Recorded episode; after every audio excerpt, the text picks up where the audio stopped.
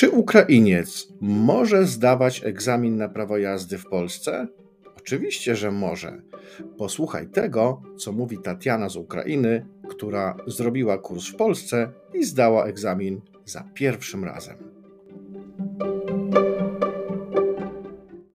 Передаю величезний привіт всім українцям, які здають чи здавали, чи намагаються здати не перший раз вже на права в Польщі. І справді скажу: ось це не є так важко.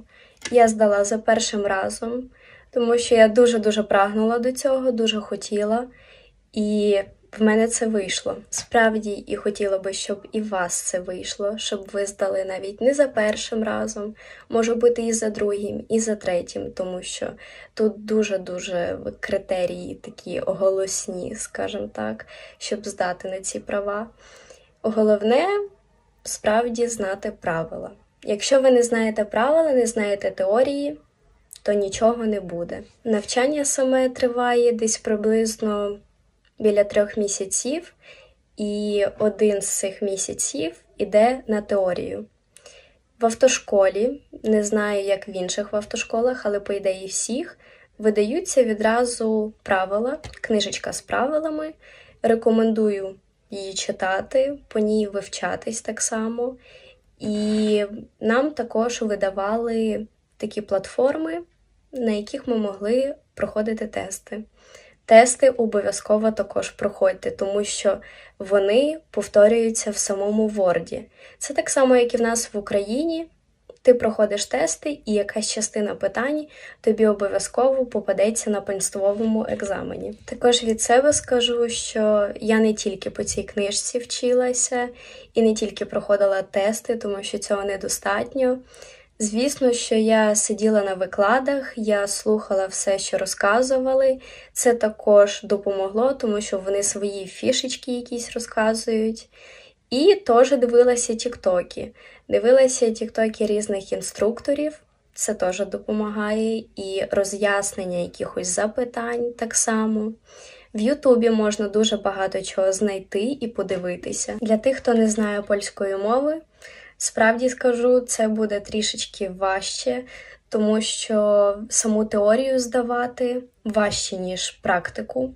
Я думаю, це відомо всім. І на практику, наприклад, можна запросити перекладача, який буде перекладати з польської на українську, але там не є такі команди важкі. Я думаю, ви самі навіть зрозумієте, ті, хто навіть кілька разів чули польську мову і не вивчали її, тому що це буде на прикладі того, як е, попрошу завернути на кільцеві. Ось це вся команда. І він буде просто випевнювати свій аркуш і дивитися за вашою їздою. І все, більш нічого. А теорію, по ідеї, можна здавати на англійській мові, якщо я не помиляюся, або на польській, дивитися дуже багато різних відео, можливо, відео в Ютубі.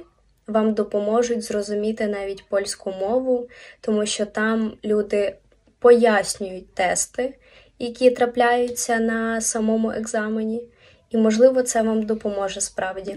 Також варто запитати свого інструктора, якщо ви чогось не розумієте, він з радістю вам пояснить, тому що ви спеціально прийшли туди, як ніяк, щоб здати на ці права, і він прагне до цього, щоб ви це здійснили. Тому.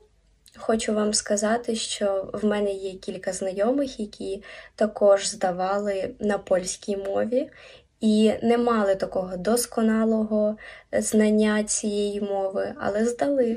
На кінець хочу сказати, що перші права в Польщі видаються на 15 років, але якщо у вас в довідці медичній приписано, що є якась там хвороба, наприклад, проблеми з зором, тоді віднімають кілька років, наприклад, 2 чи 3, але це вже не є такою страшною проблемою тому що потім ви все рівно замінюєте і даються на більший термін часу.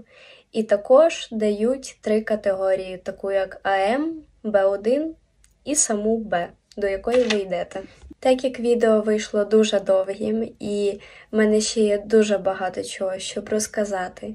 Якби ви хотіли почути ще більше всього, то я можу ще раз зняти відео з подробицями, як що і де, тільки мені потрібно почути ваші запитання, що вас цікавить. І так само люди, які ще не здавали на права, але хотіли би піти на курс науки язди, також можу розказати детально, як це все відбувається з нуля.